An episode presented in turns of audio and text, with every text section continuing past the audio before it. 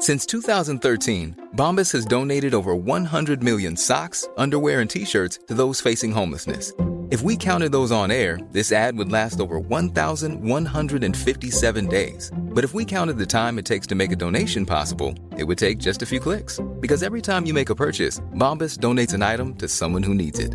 Go to bombas.com slash ACAST and use code ACAST for 20% off your first purchase. That's bombas.com slash ACAST, code ACAST.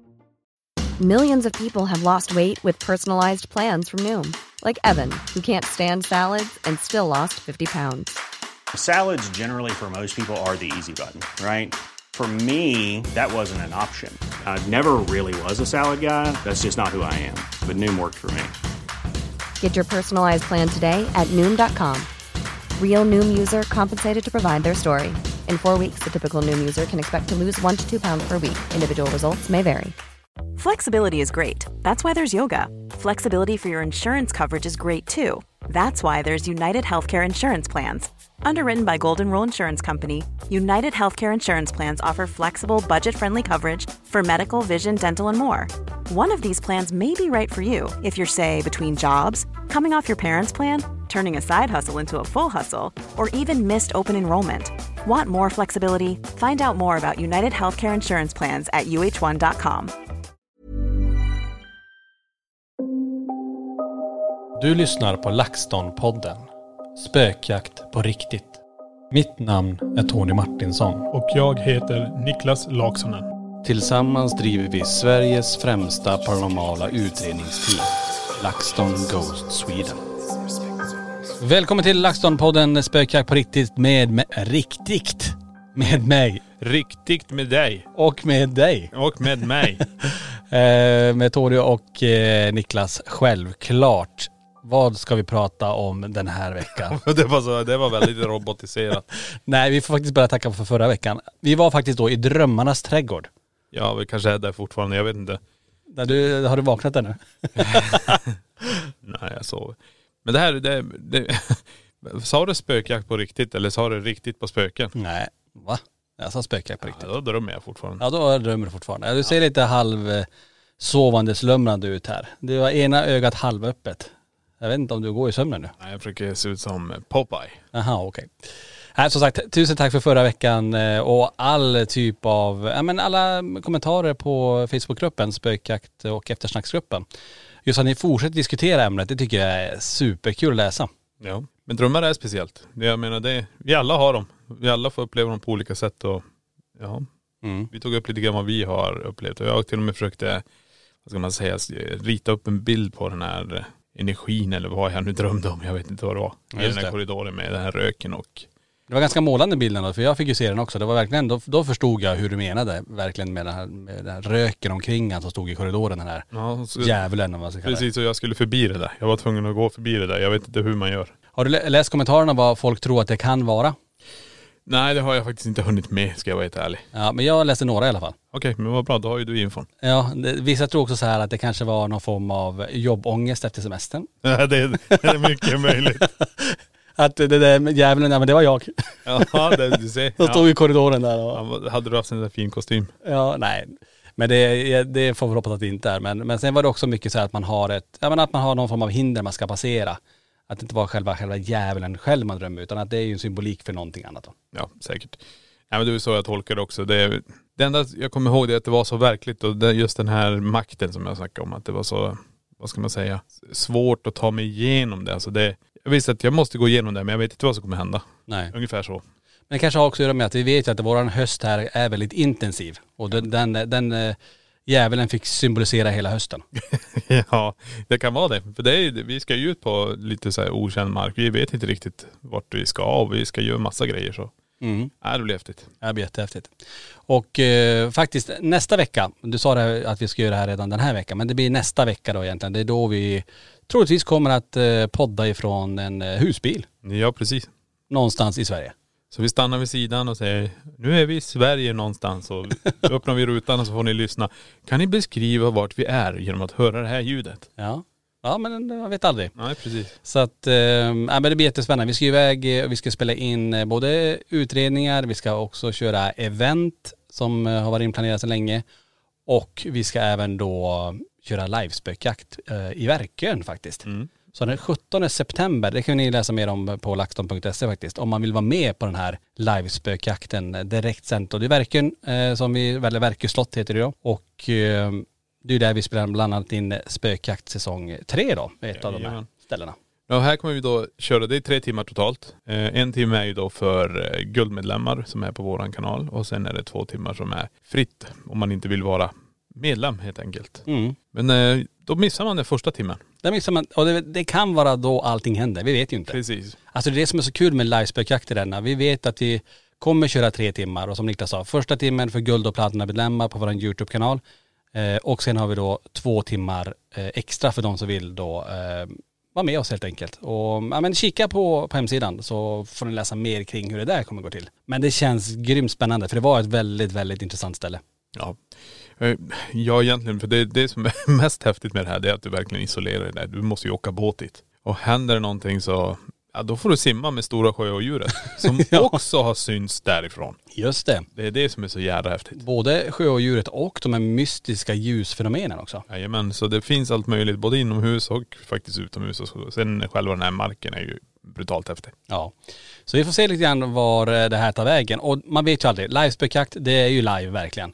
Vi kommer ju filma allting med en vanlig kamera också så att säga. Så att om det nu skulle bli någon form av teknikstrul, vi har varit med om det förr, så förhoppningsvis så finns ju i alla fall allt råmaterial kvar på huvudkameran. Jajamän. Och sen lägger vi upp det helt i oredigerat material egentligen. Vi bara hivar upp alltihop som det är.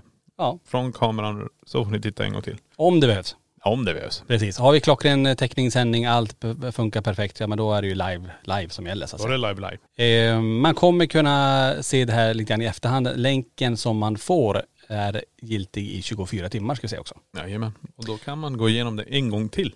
Mm. Yes, men eh, från Verkö slott så är ju inte steget långt till eh, dagens ämne. Och dagens ämne, ja men det är faktiskt att diskutera, prata om, grotta ner oss i, fundera över spökjakt och det vi gör egentligen när vi är iväg kring spökjakt. Vi har ju varit på väldigt många ställen, vi har spelat in tre säsonger och nu tänkte vi grotta oss ner i säsongerna tänkte vi lite grann. Och prata ja, men lite grann om eh, hur, hur det är att eh, spela in, vad som har hänt under de här fantastiska säsongerna och eh, ja, lite grann hur vi känner lite inför en kanske kommande säsong också. Ja. Jag kan säga så här, det här är onsdag idag. Podden släpps imorgon på torsdag. Och det här är, vi drog det på våran live lite grann vad folk ville höra i podden. Det här var ett av de ämnena faktiskt. Prata Mm. om spökjakt. Och eh, det vi kommer att prata om det är ju ungefär vad jag och Tony kände. Vi kan inte gå in på vad de andra kände eller vad de andra upplevde kanske eh, så det är jättedjupt utan det här är vad jag och Tony har med i bagaget efter vi har varit ute i Europa, i Sverige. Och sen kanske den här känslan hur det känns att vara delaktig i så ett stort projekt. Alltså spökjakt är otroligt stort. Jag tror inte många förstår hur stort det är egentligen. Man, det är ju inte som sagt, det är inte jag, Niklas, eh, Jocke, Jonna, Daniel eh, och eh, Andreas eller Serafia som nu var då i säsong tre. Utan det är ju så, det är ju så många runt omkring. Jag tänker på alla som inte är iväg och åker iväg och är på själva on-set så att säga. För på platsen så har vi ju ett antal kameramän, vi har ljudtekniker, vi har assistenter, vi har producenter. Vi har allting runt omkring det så att hela logistiken ska fungera. Och jag tänkte vi kan prata om det alldeles strax, hur allt det där går till. Sen har vi alla som är på hemmaplan, kan jag tänka mig. Alla som tar emot allt material och ska redigera och få ihop de här avsnitten. Eh, och även inför de här spökjakterna, all research innan på de här platserna så sitter det också ett gäng och tar fram alla de här fantastiska ställena. Så det är ju ett stort, stort lagarbete för att få ihop det här överhuvudtaget. Ja, definitivt. Och det, det vet vi när vi är på set sen också, man får den här trygghetskänslan och att det finns individer runt omkring en som, som hjälper till. Alltså det, det, jag vet hur det är när vi själv är iväg. Då är det du och jag som gör allt. Ja, Allt, precis. allt, jo, Johan har ju kommit in på slutet. Ja nu är ja precis och det är vi jätteglada över att det då blir en avlastning så här. Men när vi är på spökjakt så får man hjälp, väldigt mycket hjälp runt omkring och det, det, det är skönt. Mm. Eh, för det, det är ganska slitsamt för det är många timmar vi håller på att spela in sen. Och gå runt i det här huset och röra sig i de här miljöerna. Det är det som gör att vi också blir så jävla slitna. Och då är det skönt att någon annan kanske kan vara den som kör oss till exempel sen till nästa location. Mm. Och få åka bil bara så att någon annan ska, jag kan ju vila här emellan. Helt otroligt. Ja, där är jag lite issue faktiskt. Jag gillar ju att köra. Bara för att eh, I don't trust nobody. Nej då, det gör jag faktiskt. Men det, jag, jag vet inte, för mig är att köra bil är lite grann som att eh, inte, Skita. Nej, ja. Eh, ja det, nej, det borde bli väldigt kladdigt i bilen. Men, men inte det, utan att man faktiskt får bara, det är nästan som att meditera på ett sätt. Eh, jag mediterar ju inte annars så, men det skulle jag säkert behöva. Men att sitta i bilen och man hinner tänka väldigt mycket, reflektera, man hinner, eh, ja, jag tycker ändå eh, soften då. Så länge man är, alltså man måste ju vara pigg självklart och att man känner att man, man orkar köra, annars Ja, kommer man inte köra. men det är det jag menar. Det finns ju alltid chansen att någon annan kan göra det. Ja. Annars hänger det bara på dig och mig. Nu finns det chansen att någon annan kan köra bilen också så vi kan hinna återhämta oss. Det, det är ju sant faktiskt. Det, det är det som är fördelen. För när vi sticker iväg, som nu när vi ska åka iväg, det är, det är tur att Johan är med. Ja. Och vi kommer ju som sagt rulla iväg med en husbil och vi kommer ju åka otroligt långt. Eh, och vi behöver ju däremellan också sova. Mm. Och eh, man vill ju helst vara vaken när man är två i bilen för att hjälpa varandra. Att man kör rakt och den chauffören inte somnar. Men nu är vi ändå tre så då kan ju en gå och vila så man kan rotera här. Ja. Så det är, det är en fördel. För det, det, jag tycker det är så väldigt viktigt just när man ska göra de här spökjakterna. Vi behöver ha all energi vi har för att kunna göra ett bra, vad ska man säga, en bra utredning, ett bra sätt att jobba. Man kan inte komma dit och vara helt dränerad. Man har inte ens energin eller någonting att ta av.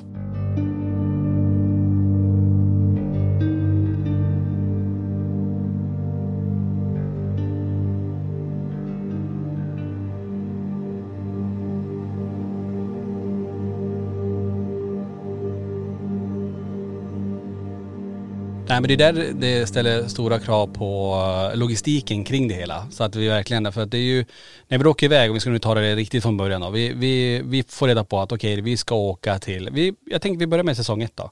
Ja, eh, ni, ska ta ni ska åka till Irland. Ja just det. Eh, stället heter Loftus Hall, ett, ett av Irlands mest hemsökta platser. Så jag kommer ihåg jag satt bara hemma och gapade. Jag bara what? Härligt. Dreglade du också? Nej, det, nej inte dreglad men jag satt bara och gapade hemma. Det, bara, det är helt otroligt, vi ska hit nu.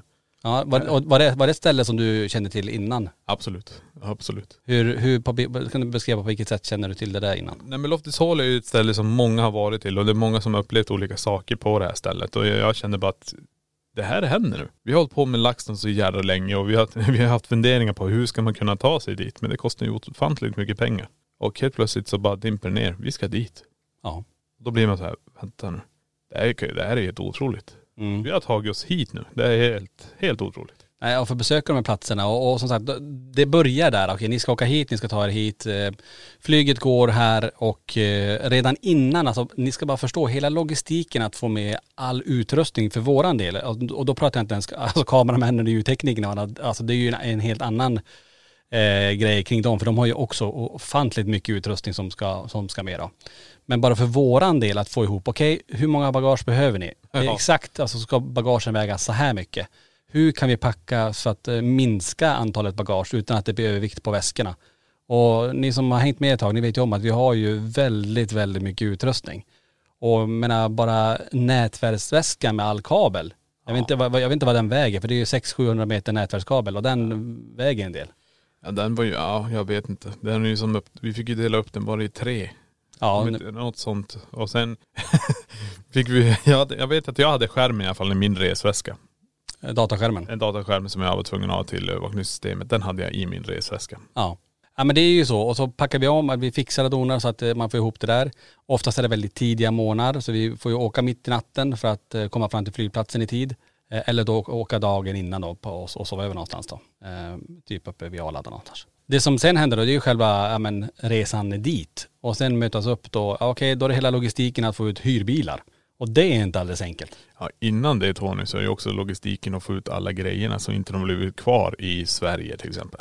Ja du menar så? Det, man, Hämta måste, när det landar sen att allting har kommit med? ja alltså jag vet inte hur många gånger vi har sprungit på flygplatserna, alltså våra, varsin våra väskor. Och vi satte ju dem i stora påsar. Ja.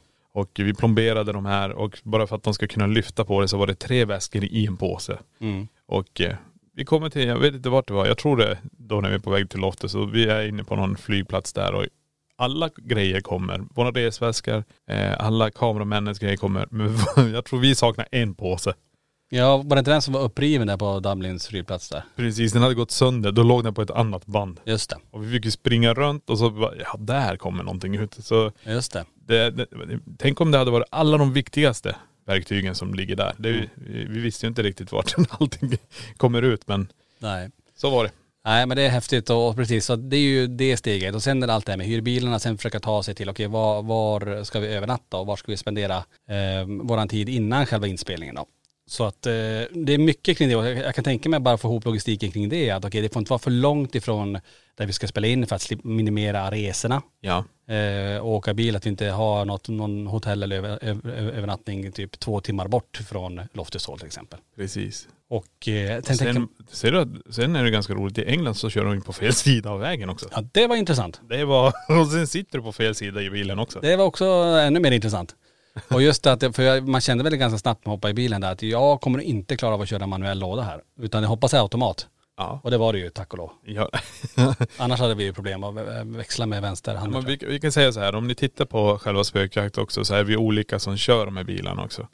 Eh, det är inte, ja ja, du kör ju ganska ofta faktiskt i spökjakt i en bil. Mm. Men eh, vi, vi varierar ju och försöker ha olika chaufförer hela tiden. Men eh, jag fick köra i alla fall, inte kanske i Loftus, tror jag. Nej, nej inte i Loftus. Jag körde i.. Det var en norrländsk tänkning. Såg jag. Nej det är bara Lof. alltså, ja. Nej men jag tror det var England eller om det var England tror Ja, det, där körde jag kommer jag Ja, just det. Det var häftigt.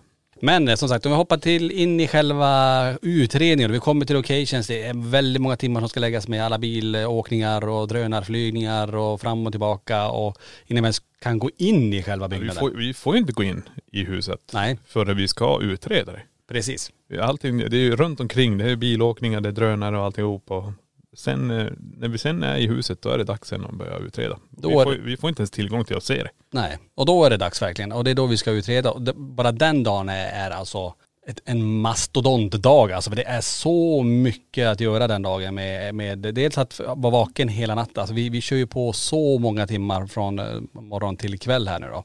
Natt, dag, morgon. Alltså det är, allt det går rätt. Alltså jag vet att inspelningsdagen, eh, alltså du är som en zombie sen när det där är klart. Ja. ja det vi dygnar ju utan problem. Ja. Och, ehm, men som sagt under själva utredningen, det är ju där allt händer och det är där allt spännande händer. Och om vi nu ska blicka tillbaka, och vi pratar nu om eh, första avsnittet Loftus Hall. Eh, starkaste minnen därifrån. Ja det, det är ju det jag satt och funderar lite grann. Det, det är mycket som har försvunnit, mycket som flyter ihop av allt möjligt här. Men det är som, nu snackar vi närminnet igen eller?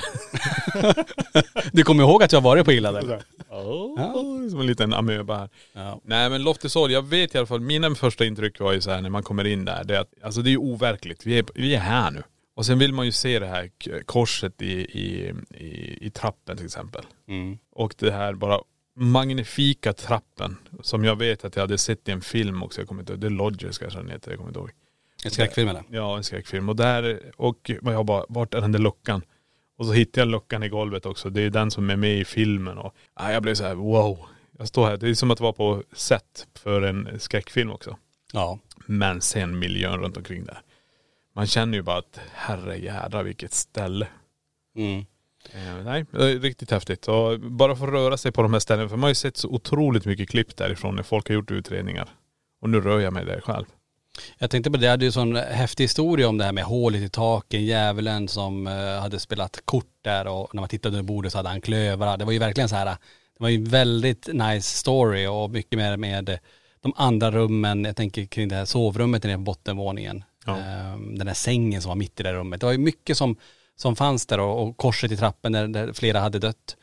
Och jag minns, alltså förutom den här magnifika trappen när man kommer in, det är som ett, alltså en enorm, jag tänker typ på Titanic när man kommer in där. Alltså den trappen som man möts av är ju så otroligt vacker alltså. Det är riktigt fint eh, hantverk där. Men det jag tyckte var mest creepy med Loftus Hall, eh, det var när man gick upp mot de här andra våningarna i de här trapporna och kommer upp i, alltså det kändes ett jäkla obehag i själva trapphuset, eller inte trapphuset, det var ju typ ett antal trappor upp på de andra våningarna.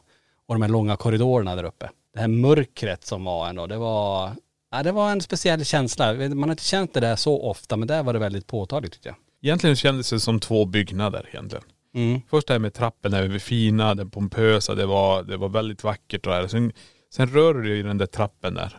Och så när du går upp där vart det här korset där och så fortsätter du upp och så börjar du komma till den långa korridoren. Mm. Och eh, det här var en helt annan känsla. Mm. Och eh, jag kommer ihåg producenten som eh, var där och eh, han sa, när vi höll på att sätta upp kameror, du och jag sprang ju med kablar och kameror och placerade ut överallt där uppe. Just det. Och vi sket ju att tända ficklampor. Vi gick ju i mörkret bara. De skulle bara ut. Ja, som vi brukar. Ja, som vi brukar. Ja. Och han sitter, när vi kommer ner, sitter med händerna för ansiktet och tittar på oss. Bara, hur i helskotta kan ni bara gå upp och gå i det där? Jag fattar inte. Så jag bara, nej men nu är det arbetsmode. Nu är det bara ut med allting så vi kan dokumentera. För jag vill inte missa någonting. Nej. Nej men det är ju så, vi, vi går ju ofta själv. Alltså och går runt och vi, Ja, ja. Det, det enda vi kommunicerar via det är en walkie då så att eh, vi bara okej är vinklarna bra nu med kameran? Får vi, får vi rätt? Har vi lagt eh, rätt kablage på rätt ställe? Funkar ljudupptagningen? Men vi står ju, en är nere vid övervakningscentralen och en är ju själv oftast runt i huset då. Ja precis. Precis Eh. som det är när vi gör våra egna eh, spökjakter också. Så. Precis. Så det är ju helt eh, samma egentligen då. Ja. Ehm, och det kan jag förstå att många tycker att herregud hur törs de, törs de gå själv? För det är ju inte många som törs göra det i, eh, i det här spökjakts-crewet om man säger så. Att de, de vill ju ofta att du och jag är med. Ja absolut. Man vill ju inte gärna ibland till och med inte ens gå på toaletten utan man, man bara, kan inte ni följa med? Ja. Det, det vet jag händer ju, till exempelvis i, i Ancient Dramin. Ja. Det var ju ett himla obehag. Det sa man, kan inte LaxTon vara utanför toaletten här när vi går? Precis. Du och jag rör oss i de här miljöerna så eh, ganska ofta. Vi är ganska van vid det. här. Och, och sen att göra allt det här på, på sätt är ju, för mig är det ju det här att få röra mig ensam i den här miljön. Mm. Vad kommer jag få uppleva? Kan jag få uppleva det ultimata? Och även om inte jag har någon kamera kan jag bara, för nu är jag ändå på Loftus Hall till exempel. Mm. Kommer en dörr öppnas eller kommer jag se en skepnad eller vad kommer jag få uppleva? Så jag, jag gör det gladeligen. Mm.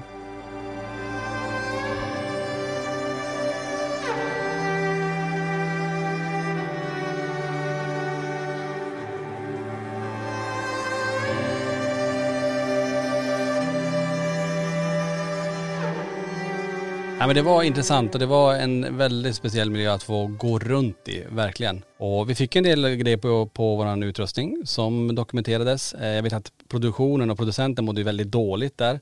Eh, Till och med så att han kräktes där. Att det- Kameraman också. kameraman också som kände det jätteobehag. Nu vet jag inte om, om det var rum nummer sju eller vilket rum det var som, Det, nu minns jag inte riktigt. det var inte tre. Ja, du ser närminnet igen men. Nej, jag kommer inte riktigt ihåg heller. Det var ett av rummen i alla fall där, där kameramannen till och med började skaka. att Det var så intensivt en dag. Ja precis. Så att det är ju, äh, var en väldigt stark utredning och första utredningen för, för, för oss alla utomlands Ja. på det sättet. Ja klart vi har varit i Norge men, men just att komma iväg till, till just Loftus Hall. Ja men det var verkligen speciellt. Det var speciellt det känns overkligt och jag menar, det som jag sa tidigare, man hade typ drömt om att få vara på det här och nu helt plötsligt står man där. Man kan säga att det enda som eh, drog ner betyget lite grann för Loftus Hall, det var väl lite grann det att man, man hade gjort om lite, för det, det kändes, nu var vi ju helt själva där så sätt, det, det var ju bra, men man hade ju byggt om en, en kafédel och så hade de en typ av sån här, ja men jag vet en snurra man går in som när man ska åka eh, Balden på Liseberg typ. Alltså Var räkna deltagarna. Räcker, precis en sån. Och sen hade de ju lite grejer där inne som man hade utsmyckat det lite grann som, ja men du vet, något skelett som hängde och nu syns ju inte det när vi, när vi spelade in för vi tog bort allt sånt där. Ja. Men man hade mycket sådana krimskramp som inte hade behövts funnits där. Man behöver inte göra det till ett, till ett gasten eller ett spökhus Nej. på det sättet. Utan det hade räckt med att väggarna skulle få tala om man säger så då. Det behövdes inte all den där utsmyckningen. Det drog ner tyckte jag. jag det kände man fast man hade inte behövt det där. Nej, nej precis, men jag funderar också, det kändes som att de, eh, det var inte bara själva Loftus Hall, där spökgrejen som, som de hade med att göra, utan det var till och med det här med att det har spelats in en film här. Mm. Det har, du kan gå runt här på dagtid och få höra. De hade lagt så mycket så här, vad ska man säga, ljud från Ja. högtalare så folk skulle få en visualisering av det här, hur det skulle vara om eh, den här djävulen satt uppe i taket och vad det var. Så vi, vi rök ut alla kablar och alltihop där. Jag synd om dem sen när de ska koppla ihop det där. För vi slet ju bort allt Ja, sånt där. Jag. Niklas gick runt där och bara, nej det är inget ljud. Det ska inte finnas något Nej. ljud eh, som är ditsatt överhuvudtaget. Att Nej. allt ska bort. Så vi gick ju runt och letade allt och slet ut alla kablar. Så att det blir ju, ja, hoppas de fick ihop det där sen. Varsågod. Nej. Nej men så är det, det är det som är grejen. Vi vill ju få det att vara som den miljön det ska vara och jag är glad att det där var ju också bara vid trappen och eh, lite i början, eh, de här högtalarna. Men när vi var på då, den andra sidan där eh, vi har det här korset i trappen, där, där det fanns det ju inte. Nej. Det var som en gammal del som inte var rörd av någonting och det är där jag också hör det här med, eh, med dörren som att någon rör i den. Och, Just det. Så det, är riktigt häftigt.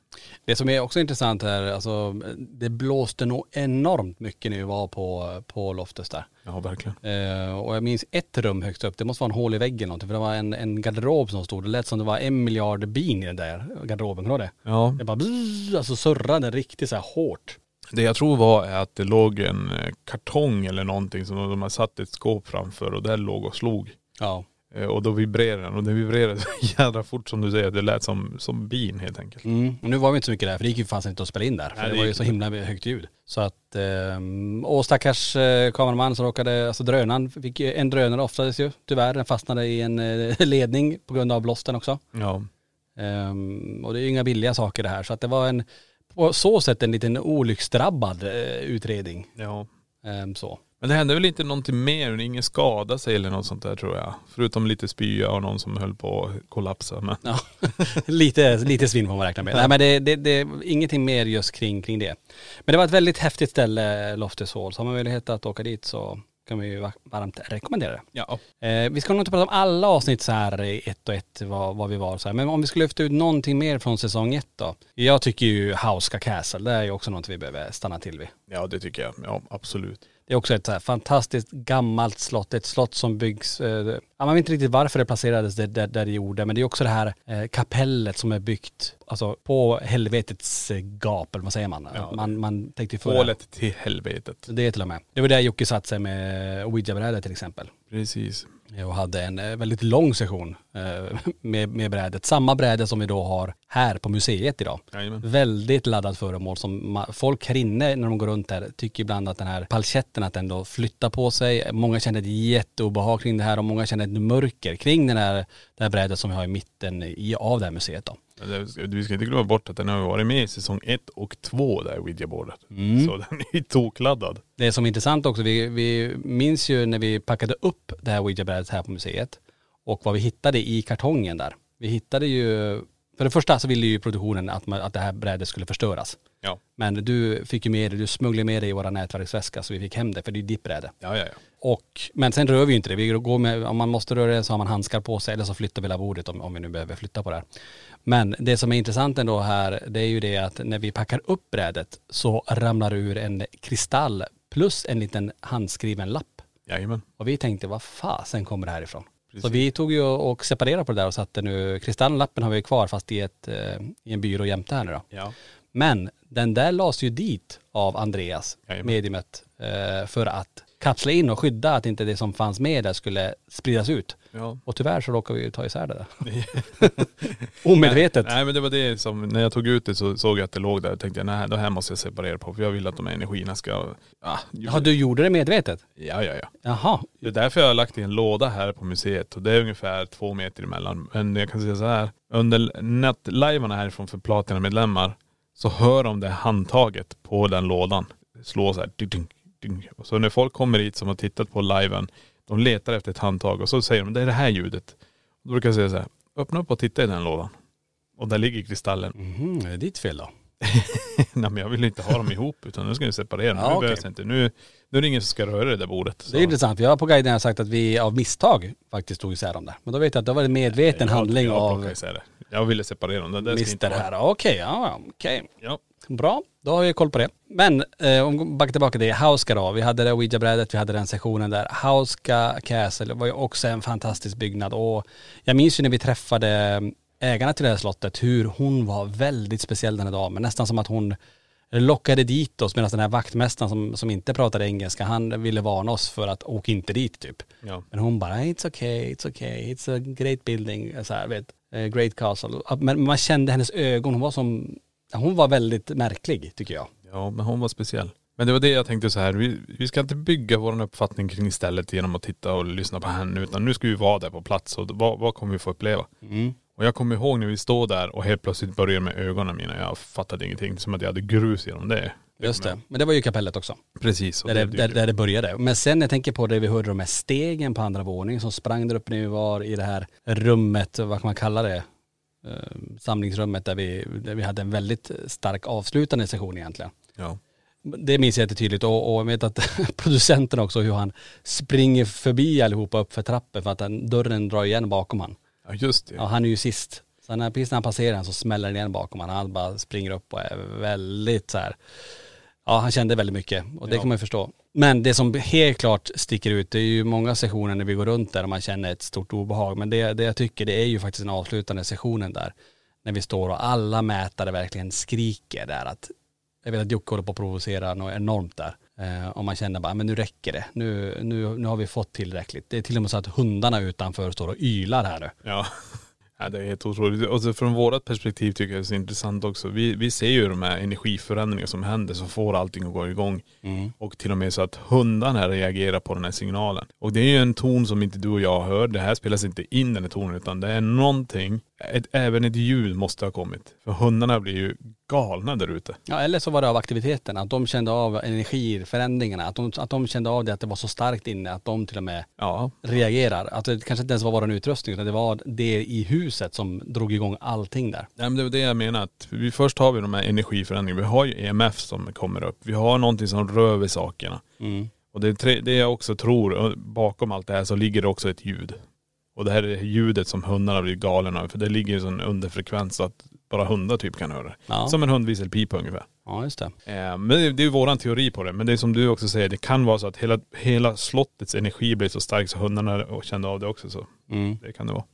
Ja men väldigt häftigt ställe och um, ja men det, det slottet i, i Tjeckien sticker verkligen ut alltså som en som ett starkt minne. För det, det är som om man tänker på, på, på det vi gjorde där, det är som Loftus Hall, det var det första.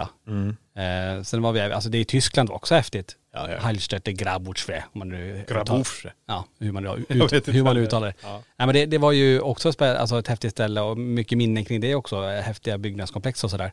Men om man verkligen måste välja ut några så är det verkligen då Loftus Hall, Hauska och Ancient Ramin. Mm.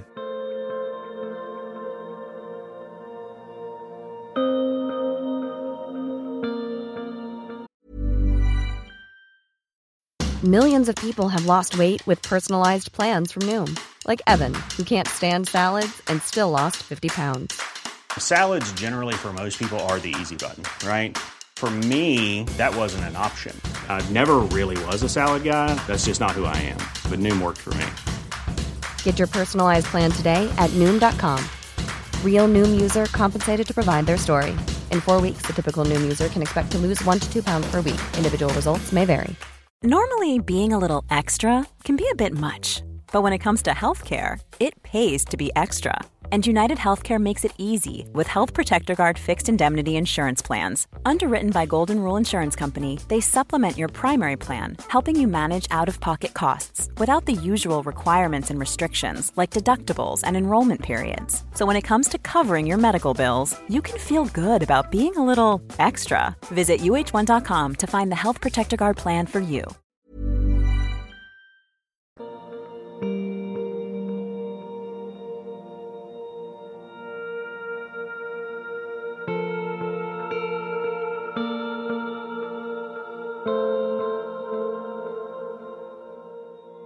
Och Ancient Ramin, det är ju, ser inte mycket ut för världen. Det ligger alldeles vid vägen, det ser ut som ett litet eh, hobbithus tänkte jag säga. Alltså det, det ser ju inte speciellt, speciellt ut men när man kommer in i den där miljön alltså. Wow. Nej, det, och sen, jag vet ju bara av allt man har sett med alla andra team som har varit där. Och nu, som sagt, nu står jag här också. Det är, ja, det, det är helt otroligt. Men just att få vara i den här miljön, titta runt omkring och man vet om vad som har hänt på marken här. Men att de också har haft så här hedniska offerplatser utanför den här byggnaden. Och när man kommer in sen, man får gå runt där. Vi kommer ihåg när vi går första där. Och man ser det hålet där de har grävt och börjat hitta olika saker. Nej, det är helt otroligt. Mm. Och så står man där och bara jädrar vi ska utreda det här ordentligt sen. Det här blir så jävla coolt. Jag minns ju också de här svarta skuggorna som rör sig på golvet. De form av, hon pratade, ägarna pratade om att det här var ju den här poltergeisten Tommy som rörde sig där. Och hur tydligt det där var. Att, vi till och med trodde att det var verkliga, typ råttor. Men det var ju större än råttor. Det var ju stora alltså, ah, det var en grävling typ i storlek. alltså den var ju, för det var så stort och svart och rörde sig så fort mellan, men på golvet. Det bara drog iväg så Ja, här. det var som stora svarta klumpar. Alltså, em, eh, först trodde jag faktiskt det var stora så här bisonråttor eller någonting. Mm. Som gick emellan. Men det- vi såg var ju svart. Sen vet jag att Daniel reagerade och så sa han, det var ju någonting vitt som, Mm. han såg en vit sån glump. Just det. Och det här är ju också intressant. Vad, vad var det här? Och då vet jag att vi ställde frågan. Då säger hon, ja men då har ni ju sett Poltergeisten. Ja, just det. Sen är ju hela den här utredningen alltså hur, hur Daniel blir, för han blir ju väldigt märklig. Han beter sig väldigt konstigt. Jonna mår ju inte alls bra kring, kring det här. Men eh, det som också sticker ut, jag vet ju när jag är med Daniel uppe i det här röda rummet, eh, jag minns inte namnet på det, var det Devil's Room? Ja, Ja, hur som, det, det här röda, men det är massa, massa rött var det i alla fall. När vi ska försöka lägga oss där, vi lägger oss där och tar handkameror bara. Och hur hans ögon bara skiftar från grått till svart. Mm. Eh, Men även hur han då, han vägrar göra det här korset, vet, att, att om man nu har fått med sig någonting. eh, Så vill ju, försökte Andreas få honom att göra det här, ja med korset, att man ska, göra någon form av symbol för att det ska lämna. Han gjorde bara halva hela tiden, han gjorde ju inte hela. Nej, ja, jag vet inte. För det, det där stället, ja, av allt man kände där så var det så intensivt. Det, det är en ganska liten byggnad. Så när du rör dig där så var det så i det hela tiden. Mm. Och vi har ju de här dörrarna som timelapsen råkade fånga precis samtidigt som Den är ju jättehäftig. Och Nej, det, så det är precis då när vi sitter och när ni också ser Daniel förändras i Ja. ansiktet. Och, Den var så himla, det var jag och Jocke som såg exakt samtidigt, för bara någon sekund hur hela Daniels ansikte bara förändras till någonting helt annat. Väldigt obehagligt. Eh, till och med hur, hur my- ögonen bara tårfylls för att det som var, och det jag såg var ren ondska. Jag kan inte förklara det mer, mer än så. nej. Det var, det, var, det var inte Daniel, det var något helt annat som satt där precis och visade sig i Daniels ansikte. Och att både jag och Jocke såg det samtidigt, det, det stärker ju det att det var inte bara jag som såg det. Eh, det som Ancient Dram In, eller ska jag säga så här, vet du vad Ancient Dram In och har gemensamt med det här museet nu? Ja, jag vet. Vet du? Ja. Let's hear. En gammal koppe som sitter i ett kontor. ja, det, förutom du då. Men, Ja, precis. eh, det, var, en- det var ett rätt där. Eh, men det är en annan grej. nej, det är väl våran katt. Katten, precis. Vi visade upp den tidigare på, på en eh, live för alla medlemmar på YouTube och då fick ni se den. Och det är ju en liten, eh, man kan inte kalla det kanske mumifierad katt, för det är det väl inte, men det är en torkad katt. Ja, den har slutat upp och förmultna om man säger så. Sen har den väl torkat ut och blivit som mumifierad. Eller hur? Och den fanns ju i Ancient Ramin i det här vardagsrummet i ett litet ja, glas, glasmonter. Och eh, det har ju vi även här på museet, faktiskt i det här poddrummet jämte mig. Jag sitter bara typ en meter ifrån den. Ja. Så att det har vi faktiskt gemensamt. Vi kände inte av någon katt direkt när vi var på Ancient Ramin vad jag minns. Nej, jag, det, jag tror inte vi tänkte på det överhuvudtaget när vi var där. Vi, det vi fokuserade på det var ju, alltså tänk om det var katten vi såg, de här svarta blobbarna. De sprang omkring där med. Ja, så hon säger att det här är poltergeisten. Men det, det vi fokuserar på det är att försöka få kontakt med förra ägaren där som verkligen, verkligen var där i det här själv. Vad heter han? Humphrey? Ja, jag tror det. Ja, Humphrey tror jag det var. Och eh, var han kvar där? Det är ju det som är så intressant. Mm. Fanns det andra energier där? Eller har vi någonting som är från den här offerplatsen? Och, ja, jag vet inte. Det var så jädra mycket men det är ju det. När Daniel påverkades så satte han sig. Han satt ju alltså på hans plats. På Humphreys plats. ja precis. Exakt där han brukar sitta. Mm. Men var det inte så också att han, eh, Humphrey, han, han sov väl inte i sitt sovrum till slut för han sov nere, nere i soffan där bara för att det var så obehagligt där uppe. Ja. Nej men alltså de där rummen där uppe, de var ju helt otroliga. De hade till och med ett helt rum där det var färdigt ett Ouija-board. Just det. Och vi var ju där och testade såklart. Medan du, ja det var väl jag och Jocke tror jag som satt där och någon del. Och sen var du och Daniel i det sovrummet då. Mm. Och det är då det dök upp. Precis. Där I ögonen på, på Daniel. Men vad ska man säga? Allting som händer där, alltså vad ska man säga? Personbundna grejer höll jag på att säga. Men det är Jonna som bara går in och lägger sig rakt upp och ner i ett rum och ligger och stirrar in i ett hörn. Mm. Och eh, Daniel som blir jättekonstig och bara går omkring och garvar och tycker det här är ingenting. Nej precis. Jag minns också det rummet där vi går högre upp i byggnaden när vi kör med värmekamera. Jag ser hur den hoppar i temperatur och Jocke känner hur någonting sätter sig på hans axlar.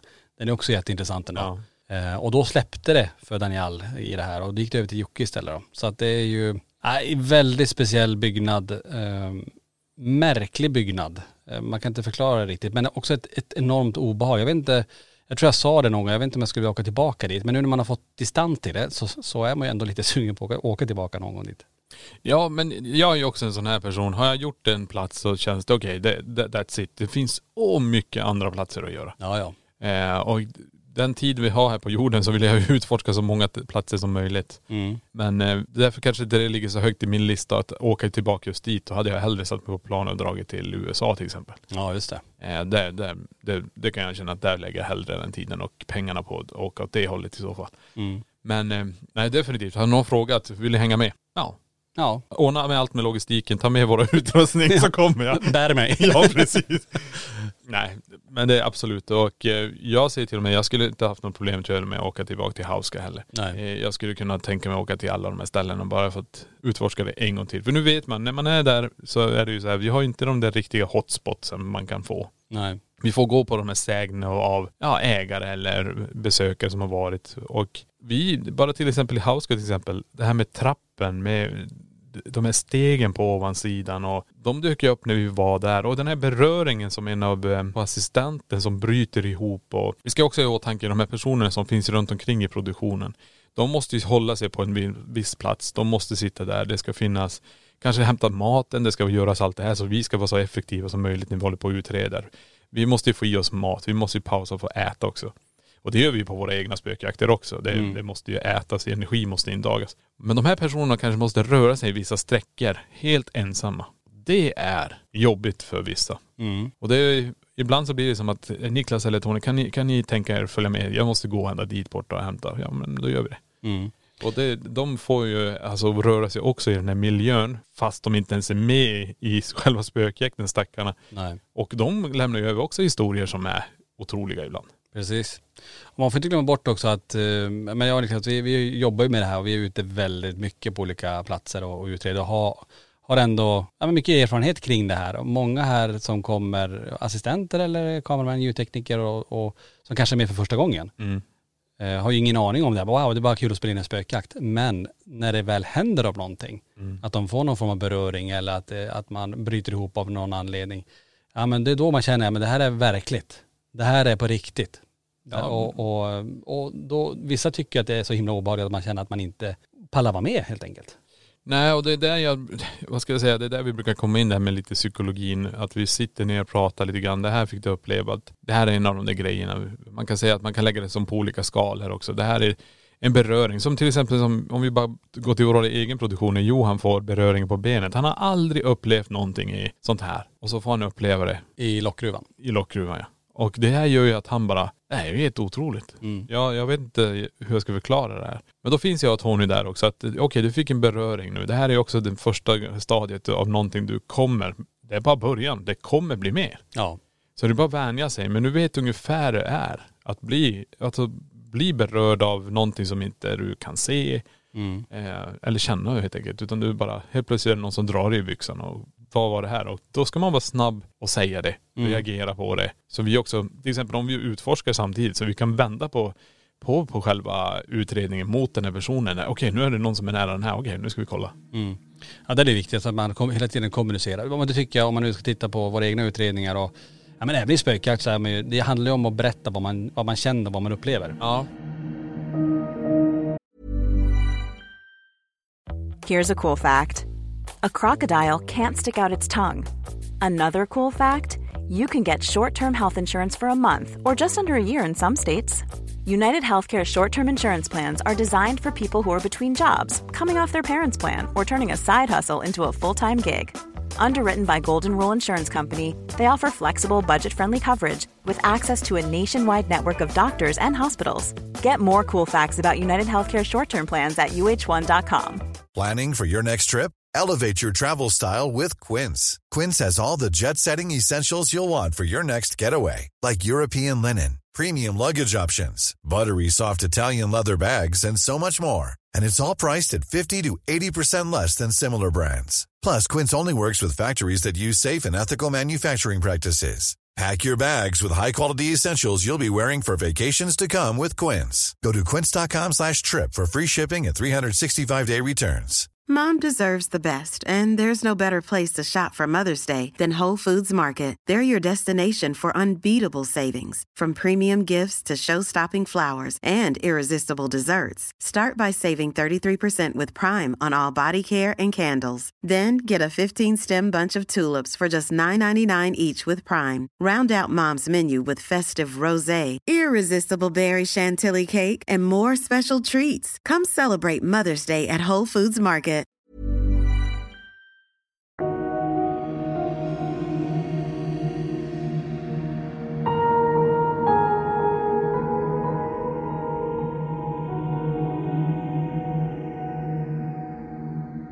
Och det, här, det är ju också till för att vi ska kunna få det här när man gör en utredning också, de här bevisen som vi letar efter.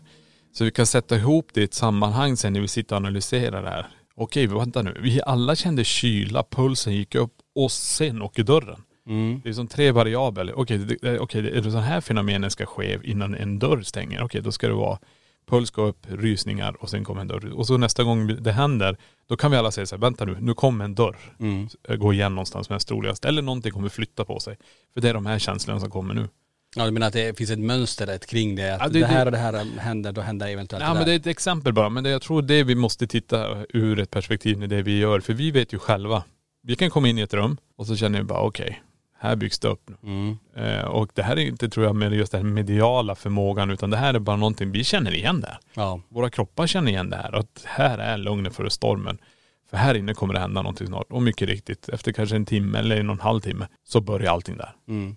Och det, och det gäller också att kunna styra, styra spökjakten när vi, när vi är iväg och spelar in med, med resten av gänget. I och med att den enda som har erfarenheten egentligen, alltså den enda som jobbar med det här på, på, på det sättet är ju vi och, och har den, den kompetensen och erfarenheten kring det här. Att, för det är det, om man tittar och lyssnar på spöket, allt kommer ju självklart inte med, men just att man eh, där, okej men vad betyder det här LaxTon? Det här hände, vad betyder det här Tony? Vad betyder det här Niklas? Ja.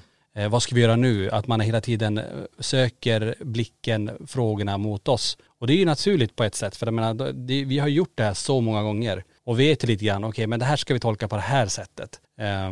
Och för det, och det här betyder det här. Så att man hela tiden för spökjakten dit det vi tror att det skulle kunna hända mest saker också. Ja absolut. Och det är det, det är det jag menar. För att jag tror vi har lärt oss att se de här små, små, vad ska man säga, tecknen helt enkelt. Mm. Alltså vi, vi reagerar på det. Vi, vi menar, smäller det till eller det är någonting som flyttas eller någonting, då vet vi att vi, okej, vi måste flytta oss åt det hållet. För vi tar det som att nu är uppmärksamheten här, nu ska vi dit. Mm.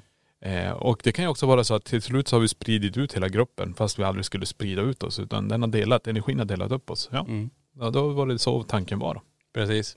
Och också att vi har den erfarenheten kring att faktiskt eh, alltså, lägga ord på känslor och upplevelser. Att man, ja men det här har vi varit med om innan, i och med att vi gjort så många andra utredningar själva.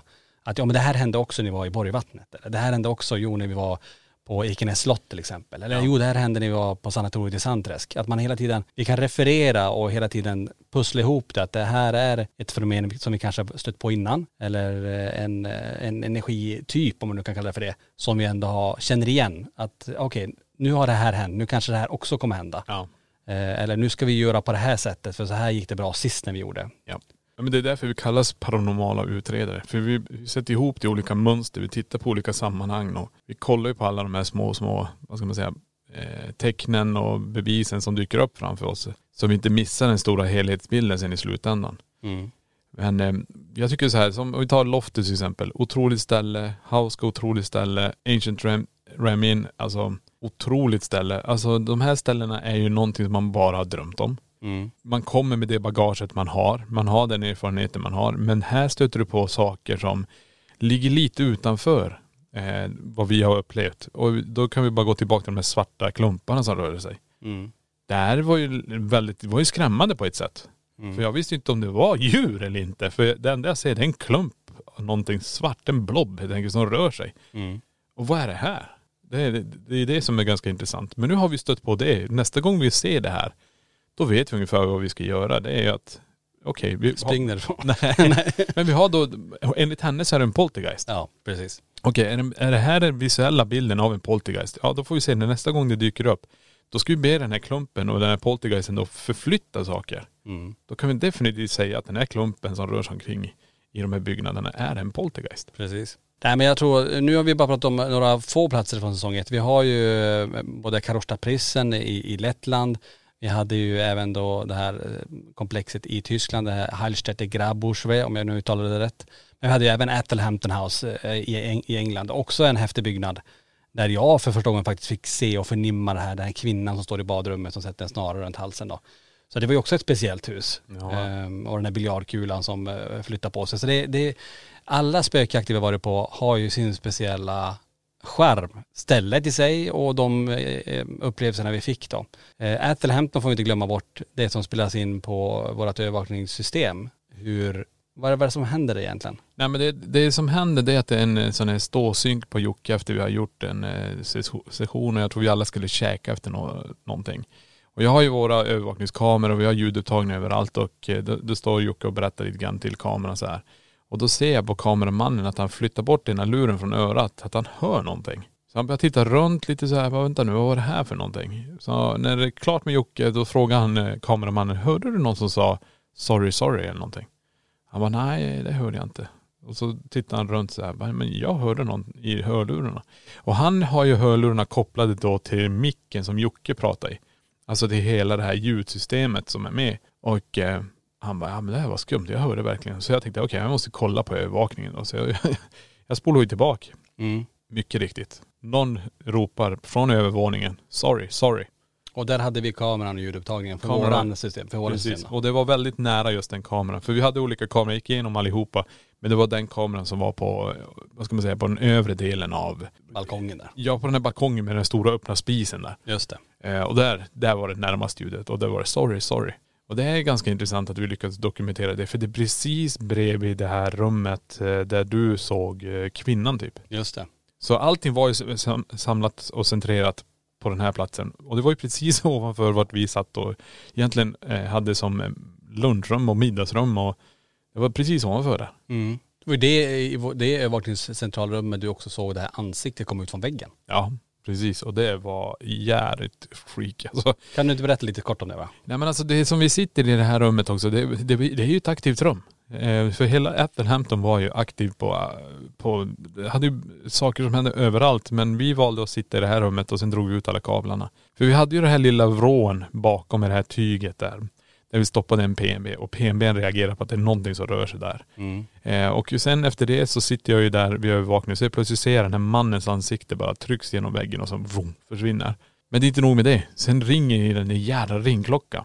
Just det. Och när ringklockan ringer, så är det som att någon är utanför dörren och ska in. För ringklockan är i det här lilla skyffet där vi hade PNB, där det var rörelse. Men vi hittade inte någon knapp. Nej. Det fanns inte en knapp för att kunna aktivera den där ringklockan i närheten. Men det måste ju vara någon form av gammal entré in, att det var någon som påkallar uppmärksamhet. Men jag tror det tjänstefolket kom in där med kanske med grö, grönsaker eller mjölk. Tea, teasers. Ja precis. Eller servera tider. Så det var ju det som var så jävla häftigt och vi försökte verkligen, verkligen hitta den här knappen och försökte återskapa den. Men det gick inte. Det fanns ingen knapp helt enkelt. Nej. Men ljudet var där. Mm. Ja, det är ju galet egentligen. Ja, alltså nu har vi pratat lite kort om eh, några av avsnitten och jag märkte vi, vi hann nog bara med säsong ett där. Men då, det finns ju anledning att hoppa tillbaka i så fall eh, framöver i kommande poddar eventuellt och prata om resterande. Det finns ju mycket, mycket mer spännande saker som har hänt på alla andra locations. Ja men det dyker ju upp saker i en själv också när man sitter och lutar tillbaka lite grann och reflekterar så dyker det upp olika saker som är spännande. Men här får ni också höra ur vårat perspektiv, ur hur jag och Tony ser det här när vi gör de här utredningarna med de här små tecknen, med de här variationerna och hur vi reagerar och rör oss egentligen. Mm. Så tusen tack för att ni har lyssnat på den här podden och som sagt nästa podd spelas in i en husbil någonstans i Sverige. Vi får se hur det blir. Jag tror att det kommer bli grymt bra. Men tills nästa gång, ta hand om er. Ha det bäst. Tack för att du har lyssnat på LaxTon-podden. Spökjakt på riktigt.